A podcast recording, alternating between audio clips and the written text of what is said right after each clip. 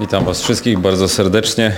E, to jak to dobrze dzisiaj widzieć e, dzieci Boże w różnym miejscu. Coraz to rzadziej nam to jest dane ostatnimi czasy, wiecie, spotykać się w swoim własnym zborze, a co dopiero widzieć jeszcze wierzących z innego miasta, dlatego pozwolę sobie serdeczne pozdrowienia złożyć. Ci tam 15 kilometrów od Was z Palowic ciepło zawsze o Was myślą, także myślcie o nich też ciepło i pamiętajcie o nich. E... Jakbym powiedział, całe pismo przez Boga jest natchnione, to pewnie dokończycie z drugiego Tymoteusza.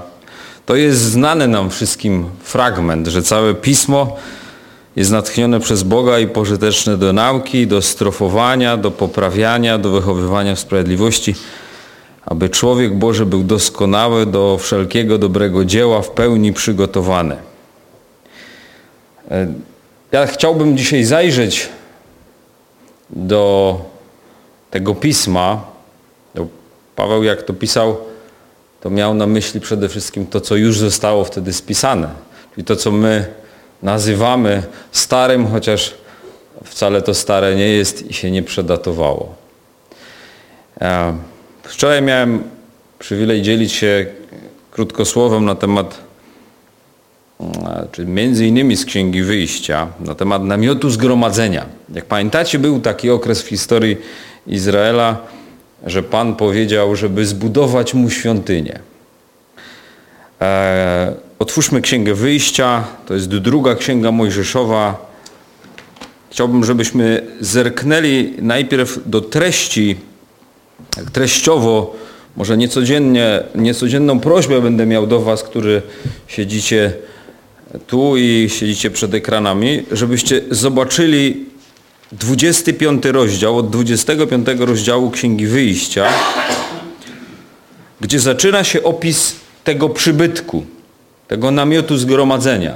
To jest zresztą ciekawe słowo. Po hebrajsku to miszkan, a po polsku to mieszkanie. Ciekawa zbieżność. Namiot spotkania. Tam, gdzie się Pan miał spotykać z ludźmi. I Księga Wyjścia od 25 rozdziału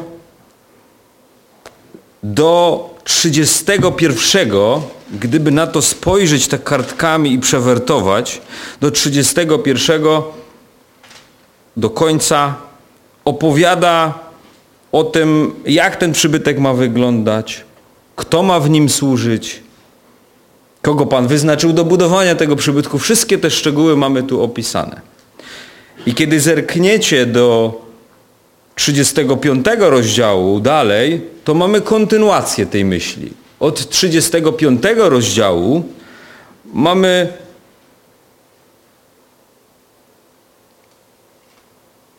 Później 39, przepraszam, nawet 39 jeszcze, 38, 39.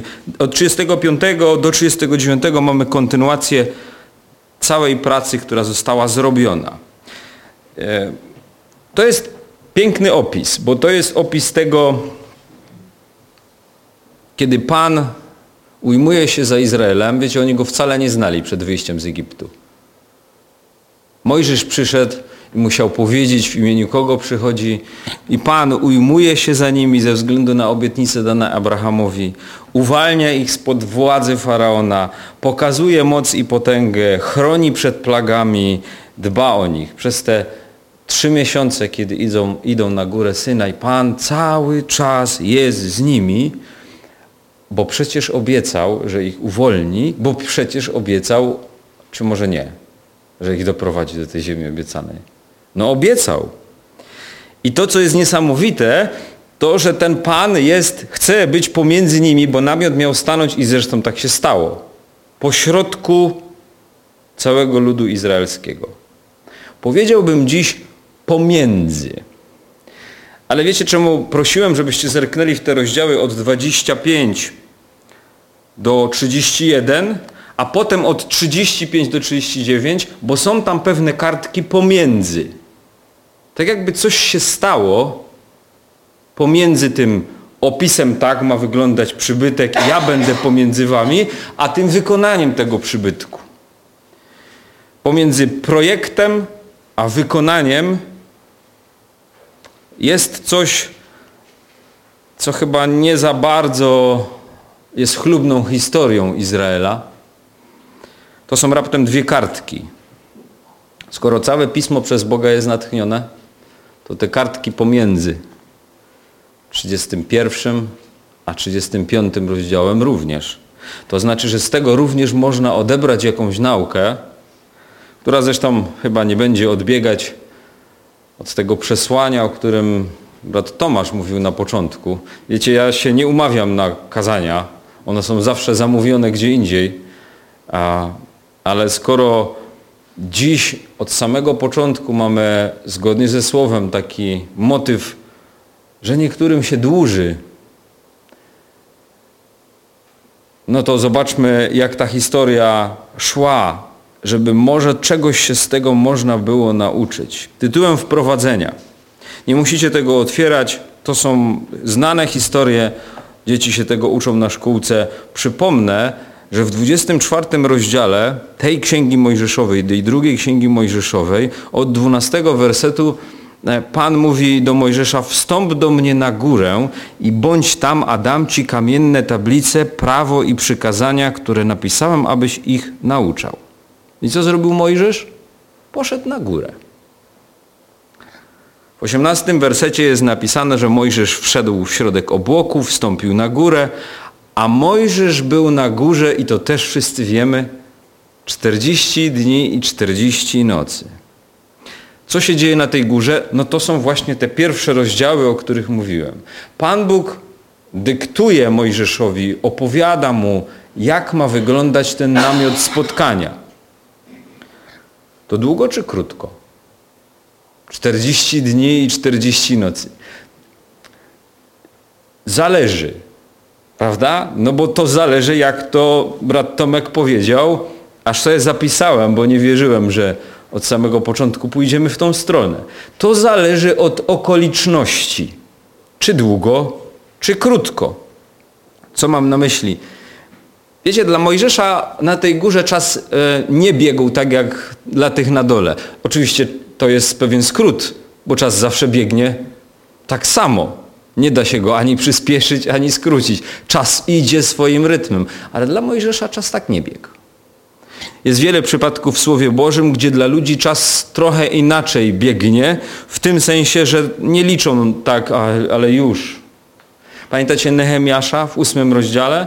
Kiedy odkryto na, nowe, na nowo zakon Pana i Ezdrasz, kapłan, przyniósł księgę i czytał ją 20 minut?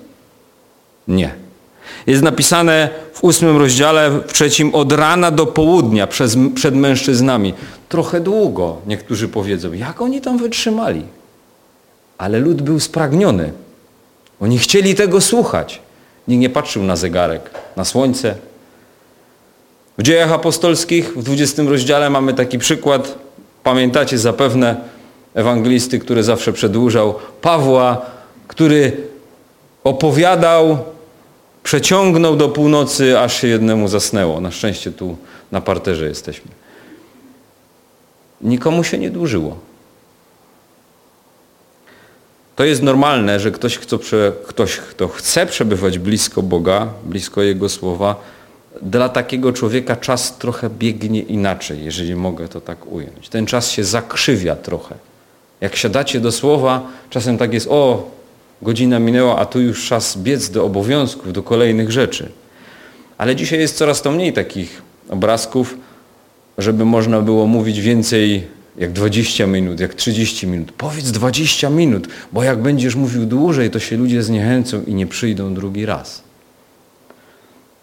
A szkoda, bo Pan przecież cały czas chce mówić, to tylko od nas zależy, czy my chcemy słuchać. Jeżeli naprawdę mamy pragnienie czytania, słuchania Słowa Bożego, to ten czas dla nas będzie się zakrzywiał. On inaczej biegnie. Dobrze jest wrócić dla Was, którzy może mieliście kiedyś taki czas w życiu, do tego cichego czasu z Bogiem rano. Zobaczycie, jak czas szybko biegnie. Budzicie się o szóstej, otwieracie Biblię, wow, w pół do siódmej, w pół do ósmej, to już tyle czasu. Ale to jest jak baterie. Można się naładować dobrze na cały dzień. Wiecie, co jeszcze się nie zmieniło od tamtego czasu, kiedy Mojżesz wstąpił na te 40 dni i 40 nocy na górę? Nie zmieniło się to, że jak Mojżesz schodził, to jego oblicze promieniało. Dosłownie pisze jaśniało.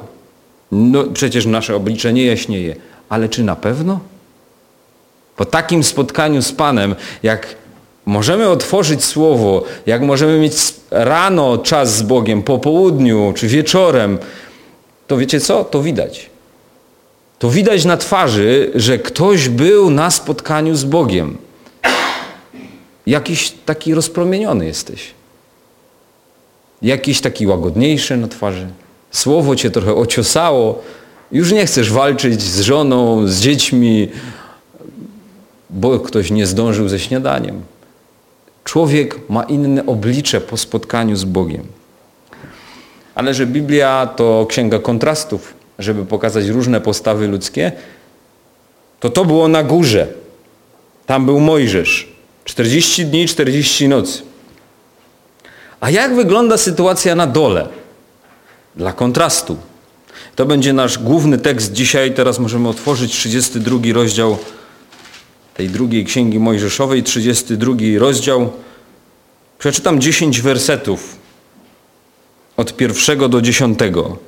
Zobaczmy, jak wygląda sytuacja na dole. To jest te same 40 dni i te same 40 nocy. A gdy lud widział, że Mojżesz opóźnia swe zejście z góry, zebrał się przed Aaronem i mówił do niego, wstań, zrób nam bogów, którzy by szli przed nami, bo nie wiemy, co się stało z Mojżeszem, tym mężem, który nas wyprowadził z ziemi Egiptu. Wtedy Aaron im powiedział, zdejmijcie złote kolczyki, które są w uszach waszych żon, waszych synów i córek i przynieście do mnie. I cały lud pozdejmował złote kolczyki, które były w ich uszach i zanieśli je do Arona. A gdy on przyjął je z ich rąk, ukształtował je rylcem i uczynił z nich odlanego cielca. Powiedzieli, oto są twoi bogowie Izraelu, którzy cię wyprowadzili z ziemi Egiptu. Widząc to, Aaron zbudował przed nimi ołtarz i zawołał, jutro będzie święto Pana. A nazajutrz wstali wcześnie rano, ofiarowali całopalenia i przynieśli ofiary pojednawcze. I lud usiadł, aby jeść i pić i wstał, aby się bawić. A wtedy Pan powiedział do Mojżesza, idź, zejdź na dół, bo zepsuł się Twój lud, który wyprowadziłeś z ziemi Egiptu.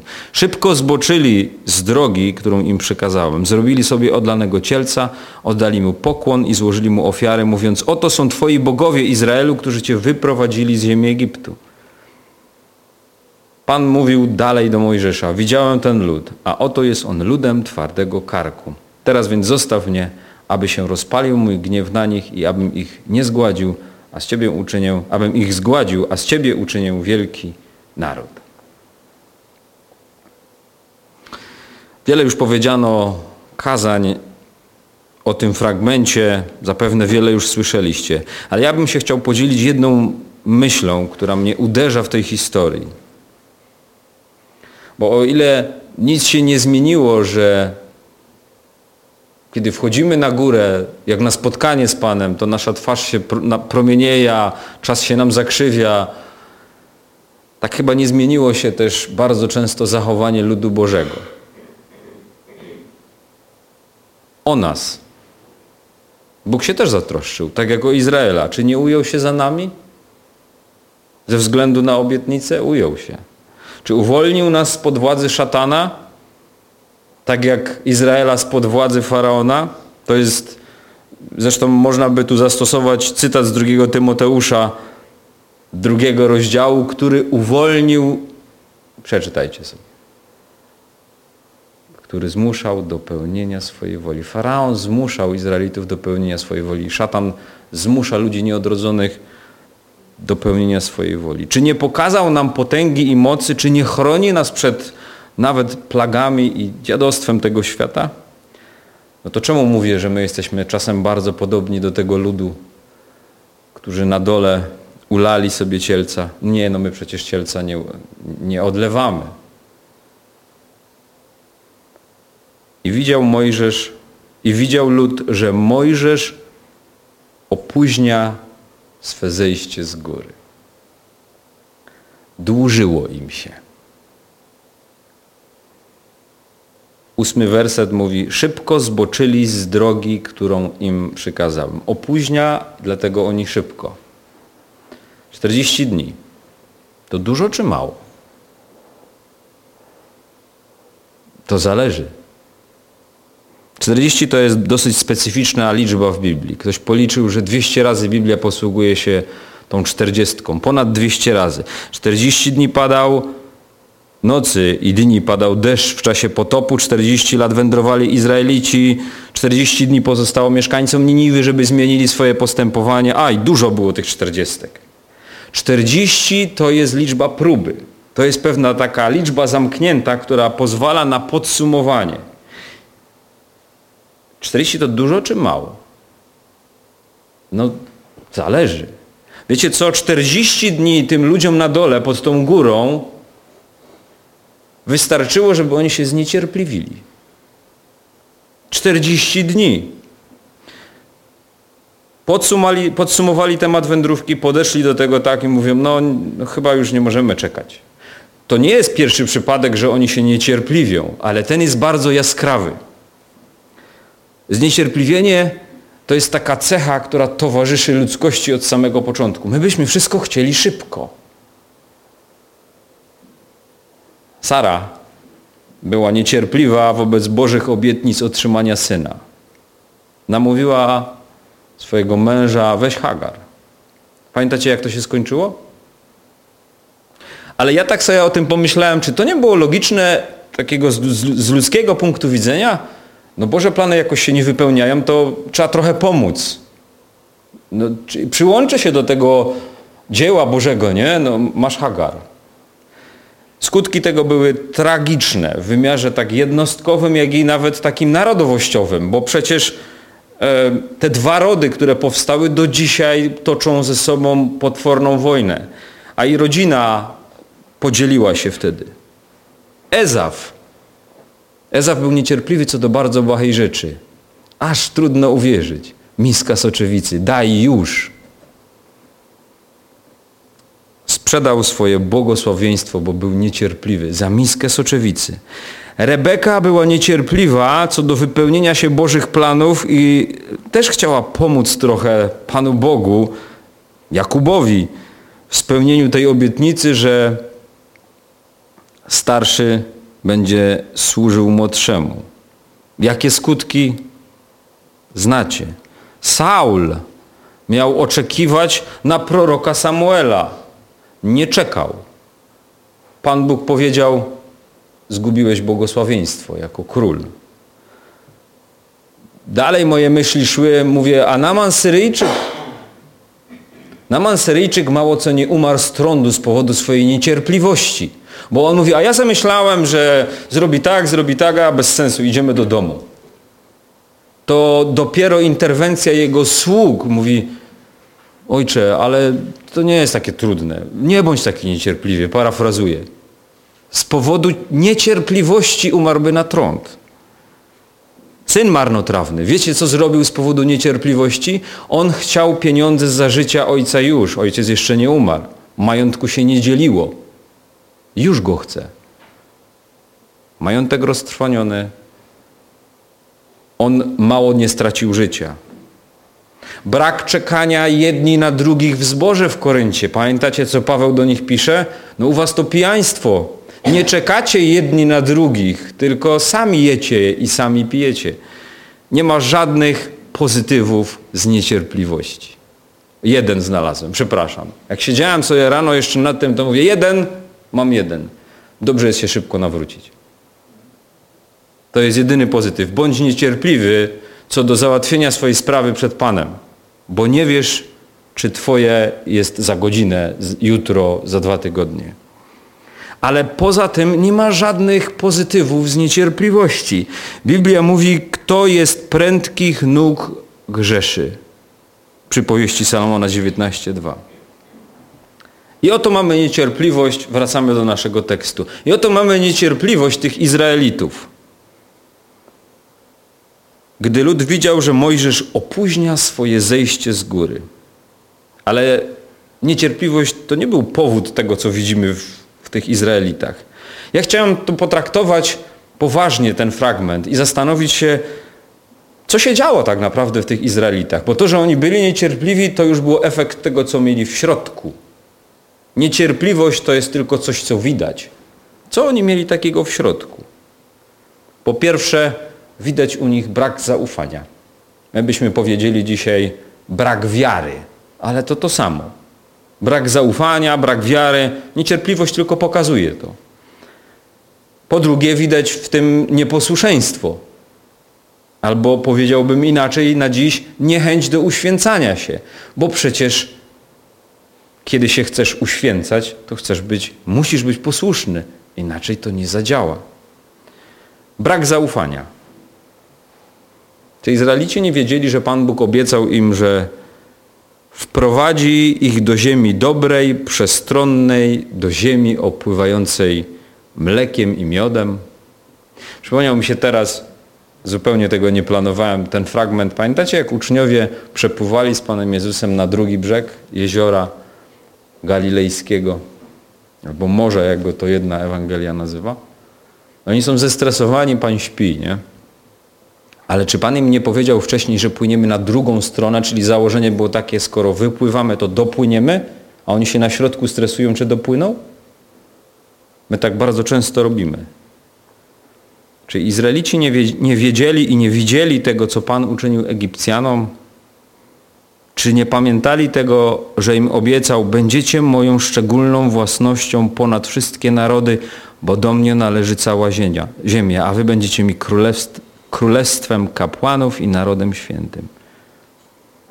To, co Izrael zrobił, stawiając sobie cielca, to był akt niewiary. Oni zwątpili. Czy nam się coś takiego nie zdarza? Niecierpliwość pokazuje również na nieposłuszeństwo. Zanim Mojżesz wszedł na te 40 dni, wiecie, on już tam był na Chorebie i przekazał Izraelowi, jak pamiętacie, takie słowa, 20 rozdział o tym mówi, nie będziecie czynić obok mnie bogów.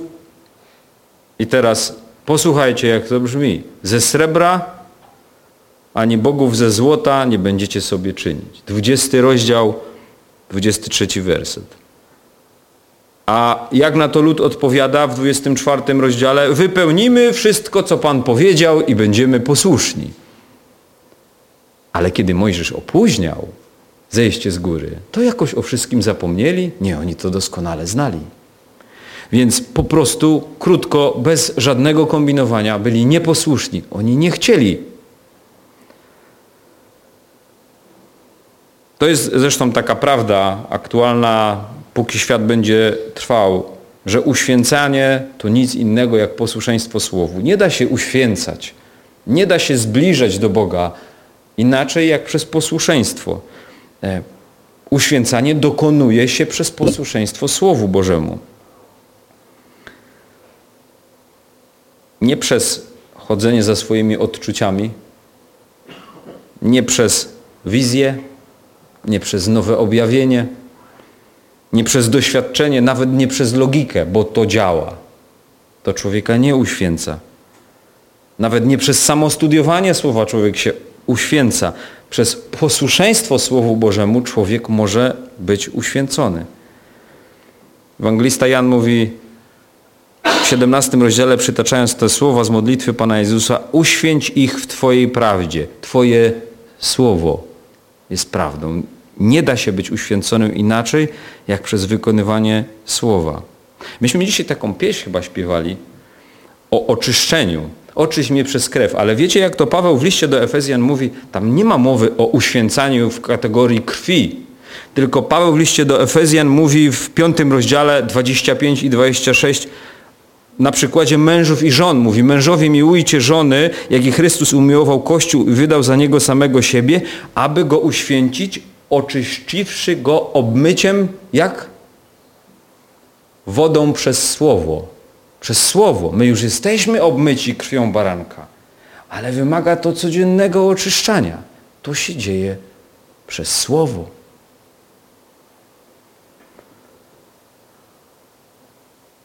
zachowanie Izraelitów to są dwie rzeczy. Niewiara i nieposłuszeństwo. Powiem to praktycznie, jak to dzisiaj może wyglądać. Wiecie, Izraelici cały czas byli przywykli do tego, że od wyjścia z Egiptu, nawet jeszcze wcześniej, tam cały czas się coś działo. Tam jest, to są takie rozdziały, że dzieci chętnie tych rozdziałów na szkółkach słuchają, bo tam jest akcja za akcją. Tam nie ma chwili przestoju. Plagi, rozstąpienie morza, obłok dzień, obłok w nocy, woda w Refidim. Ale jak przestają się że, dziać rzeczy spektakularne, takie ekstra i przychodzi, wiecie co? I to każdy z nas powinien wziąć do, sie do siebie. Jak przychodzi zwykły dzień, taka szarzyzna, taka jak dziś na dworze. 6 stopni i trochę pada, nic się nie dzieje. To oni mówią, Aaron, musi się coś dziać. No, zrobimy cielca. Bo muszą być spotkania, musi być konferencja, musimy widzieć Boże działanie. E, wiecie, to są dobre rzeczy. I ja nie mówię, że one są niedobre. Ale kiedy dużo się dzieje, to nie potrzeba tyle wiary, bo wiarę można wtedy dotknąć, tak? Jak widzisz, że się dzieje, Bóg działa, no to nie musisz nic wierzyć. Przecież widzę, że jest i działa. Ale kiedy nadejdzie czas chodzenia w tej wierze, kiedy Boga nie widać tak namacalnie każdego dnia, no to nie wystarczy nam już zaufanie. Chcemy cielca. Te 40 dni to dużo czy mało? Wiecie, to zależy. Dla Mojżesza to była tylko chwila. Ale dla nich na dole im to się dłużyło, bo może nic się nie działo szczególnego w zborze. Tak jak teraz w tym czasie pandemii, czasem mniej się dzieje. Może ktoś nie ma kazania, nie usługujesz słowem, nie masz wprowadzenia do pamiątki. Może nic nie powiesz bracie albo siostro na grupie w tygodniu, bo się grupy nie odbywają. Może nie ma spotkań kobiecych. Może chodzicie do pracy i rano trzeba włożyć słuchawki. Do pracy mam na myśli, siadacie przed komputerem, zakładacie słuchawki i dzień jak co dzień. Może siostry codziennie rano te śniadanie mężowi, dzieciom, pranie, sprzątanie. Nic spektakularnego się nie stało.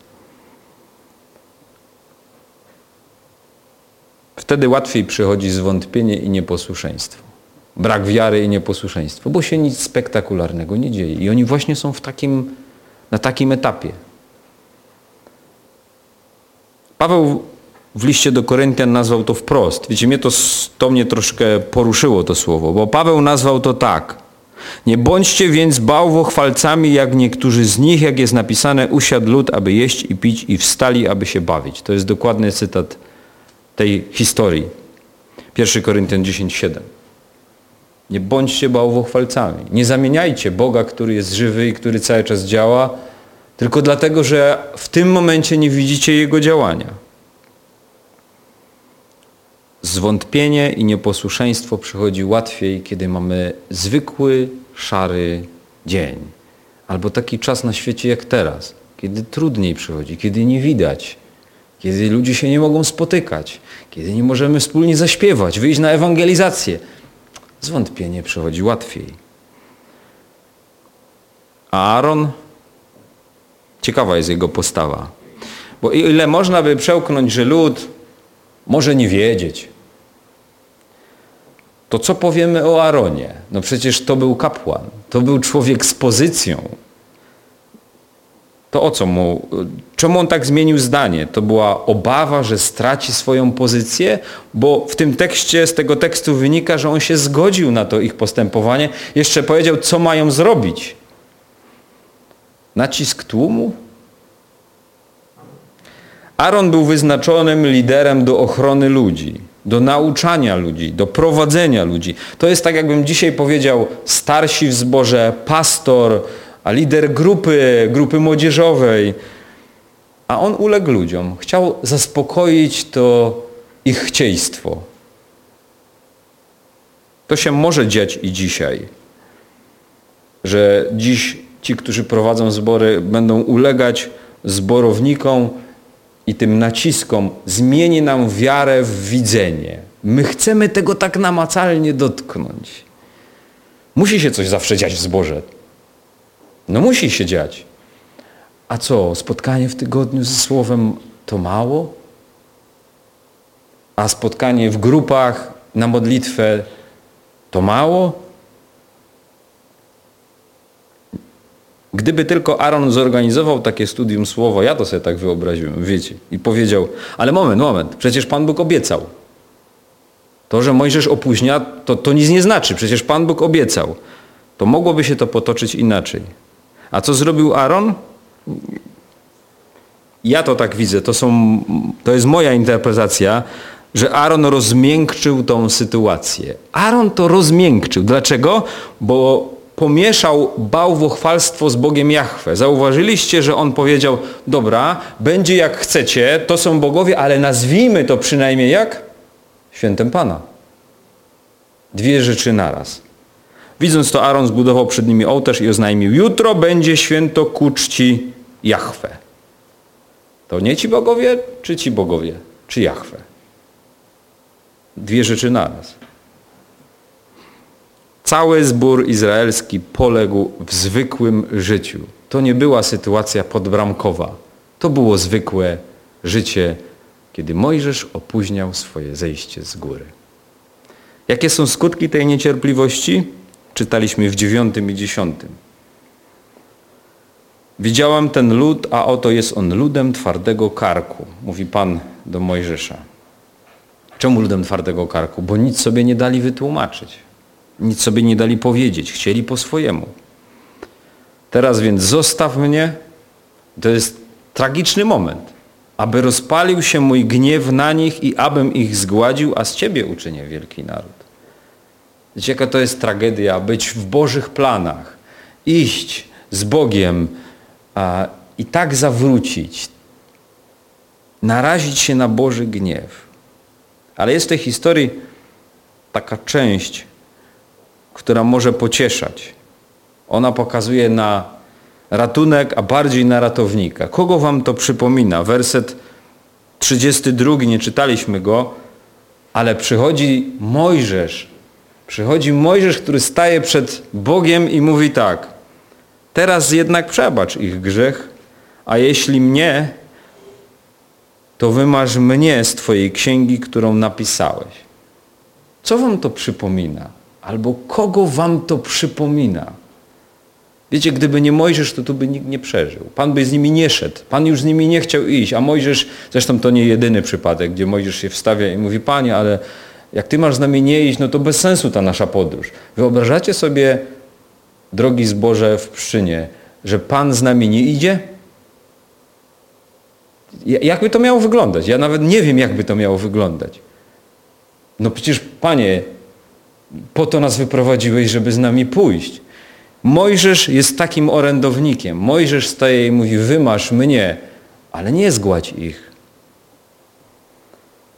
Gdyby nie nasz orędownik, gdyby nie Pan Jezus Chrystus, to codzienne nasze brak wiary, nieposłuszeństwo, bałwochwalstwo w takim zwykłym, codziennym życiu, ono to, to by zostało zaraz objęte gniewem Bożym. Ale tylko dlatego, że wiemy, że On wstawia się za nami każdego dnia.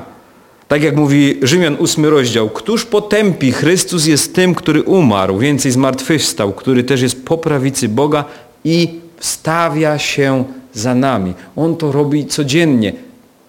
Takim obrazem, typem był tylko Mojżesz w Starym Testamencie. Czy wszyscy przeżyli? Znacie tą historię. Ja tylko przeczytałem część. Nie wszyscy. Wiemy, że Pan, 35 werset tego rozdziału mówi Pan ukarał więc lud za to, że zrobił cielca, którego sporządził Aaron. Zginęli ludzie. Oni nie chcieli zmienić swojego zdania. Nawet jeszcze mieli taką możliwość, bo Mojżesz mówi po prawicy, po lewicy, jak zmieniacie zdanie, Możecie przeżyć. Wiecie, można zabrnąć tak daleko przez niecierpliwość w niewierze, w nieposłuszeństwie, że potem człowiek już nie chce zawracać. To wbrew pozorom nie jest błaha rzecz, kiedy człowiek jest niecierpliwy. Ponieważ ta niecierpliwość doprowadza na samym końcu ludzi do tego, że oni już nie chcą zmienić swojego zdania. Im tak się zrobiło dobrze na tej imprezie, im tak było dobrze po swojemu, że oni już nie chcą żyć. Oni wiedzieli, że zginą. A zaczęło się raptem od tego, że im się dłużyło.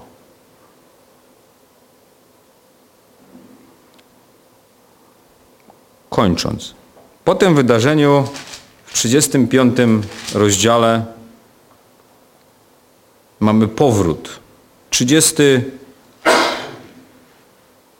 34 nawet. Pan powiedział do Mojżesza, wyciosaj sobie dwie kamienne tablice. Wiecie, a Mojżesz szedł z tymi tablicami, tak?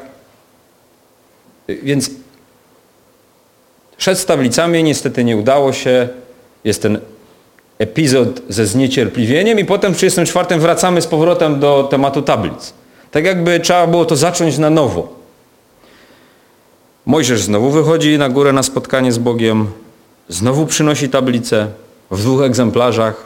Wiecie dlaczego w dwóch? No bo kontrakt jest w dwóch egzemplarzach, przy czym Pan Bóg swojego nie potrzebował.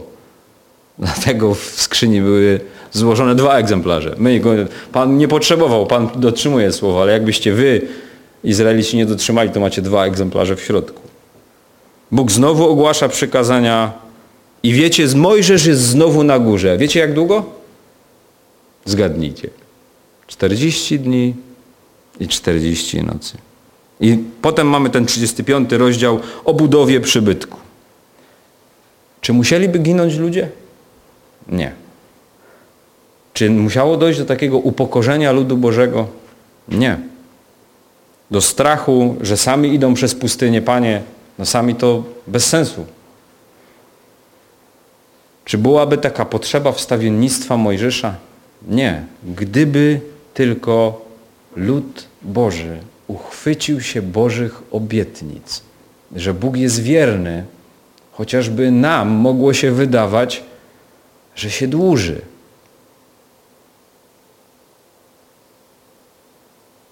Nie dzieją się czasem wokół nas nadzwyczajne rzeczy. A codzienne nasze życie, to codzienne nasze życie weryfikuje, jak silna jest nasza wiara. To nie tylko te szczególne okoliczności, jak staniesz i przystawiam ci lufę do głowy. Codzienne życie weryfikuje to bardziej, bo wtedy wychodzi, jak bardzo jesteśmy niecierpliwi. E, drodzy, dzisiaj żyjemy w takim świecie, gdzie ludzie potrzebują czegoś namacalnego. Świat tak żyje. Nie ma już żadnych obiektywnych wartości, których można by się złapać. Pokaż nam, to uwierzymy. To już nie wiara ale mnie bardziej interesuje, czy Kościół Pana Jezusa zachowuje się podobnie. To każdy z nas powinien sobie zadać takie pytanie. Przecież tak wielu porzuca wiarę. Wiecie dlaczego? Bo drugi Piotra o tym mówi. Bo gdzież jest przyobiecane przyjście Jego. Dlatego słuchałem tego rozpoczynającego słowa i mówię sobie, no to nie może być przypadek. Panie, gdzież jest Twoje przyobiecane przyjście? Ja pamiętam 30 lat temu, stałem pod kolumną Zygmunta, ponad 30 lat temu, rozdawaliśmy traktaty ewangelizacyjne i podszedł do nas człowiek, taki młody człowiek z irokezem na głowie i mówi, to gdzie on jest? Jak obiecał, że wróci. Minęło 30 kilka lat, nie ma. No można się zniecierpliwić. Ale też czasem idziemy za Bogiem, ale jakże łatwo nam jest zapomnieć, że On dotrzymuje słowa w takim zwykłym, codziennym życiu. Jest taki psalm 106, który mówi tak. Psalm 106, wersety 12-13. Wtedy uwierzyli Jego słowom i śpiewali na Jego chwałę.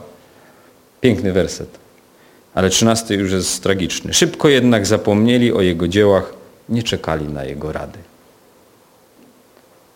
Wiecie, jestem przekonany, że jak my stąd wyjdziemy, jak skończy się ten dobry czas śpiewania, modlenia, bycia razem, to będziemy mieli takie małe i większe testy na cierpliwość. Zwróćcie na to uwagę. To jest zwykłe, codzienne życie. Łatwiej można się zniecierpliwić w tym zwykłym, codziennym życiu. Ci z Was, którzy zamkną komputer i powiedzą, dobra, skończyliśmy nabożeństwo niedzielne, to wiecie, co będzie za chwilę? Sprawdzam. To dotyczy nas wszystkich. Słowo Boże zawiera niesamowitą ilość fragmentów, wersetów, które popychają nas do tego, żeby być wytrwałym i cierpliwym w zwykłym życiu. Biegnijmy wytrwale w wyścigu, mówi autor listu do Hebrajczyków. Albowiem wytrwałości wam potrzeba, ten sam list. Ale chciałbym przeczytać na koniec z Jakuba z piątego rozdziału, ponieważ zaczął Tomek dzisiaj od tego Piotra, od drugiego Piotra, więc przyszło mi na myśl, że to chyba jest dobry fragment. Jakub mówi tak w piątym rozdziale, wersety 7 i 8. Bądźcie więc cierpliwi, bracia, aż do przyjścia Pana. Oto rolnik cierpliwie czeka na cenny plon ziemi, dopóki nie spadnie deszcz wczesny i późny. Bądźcie i wy cierpliwi i umacniajcie swoje serce, bo przyjście Pana jest bliskie. Już niedługo i wejdziemy do tego, co Izrael nazywał ziemią obiecaną. Amen. Panie, jesteśmy Ci wdzięczni e, za to, że Tobie można zaufać. Jesteśmy Ci wdzięczni, Pani, za to, że Twoje słowo jest pewne i prawdziwe. Ty nie jesteś jak człowiek, żebyś nie dotrzymywał słowa. Uchwyciliśmy się tego, Panie, że skoro nas odkupiłeś, skoro zmazałeś nasze winy, to nie po to, żeby nas zostawić samymi, ale żeby nas zabrać tam, gdzie obiecałeś do Twojej chwały. Panie Jezu, my chcemy Ci dziękować za to Twoje życzenie, że chcesz, żebyśmy byli razem z Tobą przez wieczność. Dziękujemy Tobie za to, że Ty spełnisz swoją obietnicę i jeszcze tylko mała chwila, a przyjdziesz. Ale też prosić chcemy o pomoc na każdy dzień w tych zwykłych sprawach dnia codziennego, żebyśmy nie porzucali tej naszej nadziei, żebyśmy nie byli niecierpliwi, ale e, zawsze mieli przed oczyma, że to może być już. Kiedy przyjdziesz, pochwycisz nas do siebie i wtedy już zawsze będziemy z Tobą. Panie, chcemy się pocieszać tymi słowy. Amen.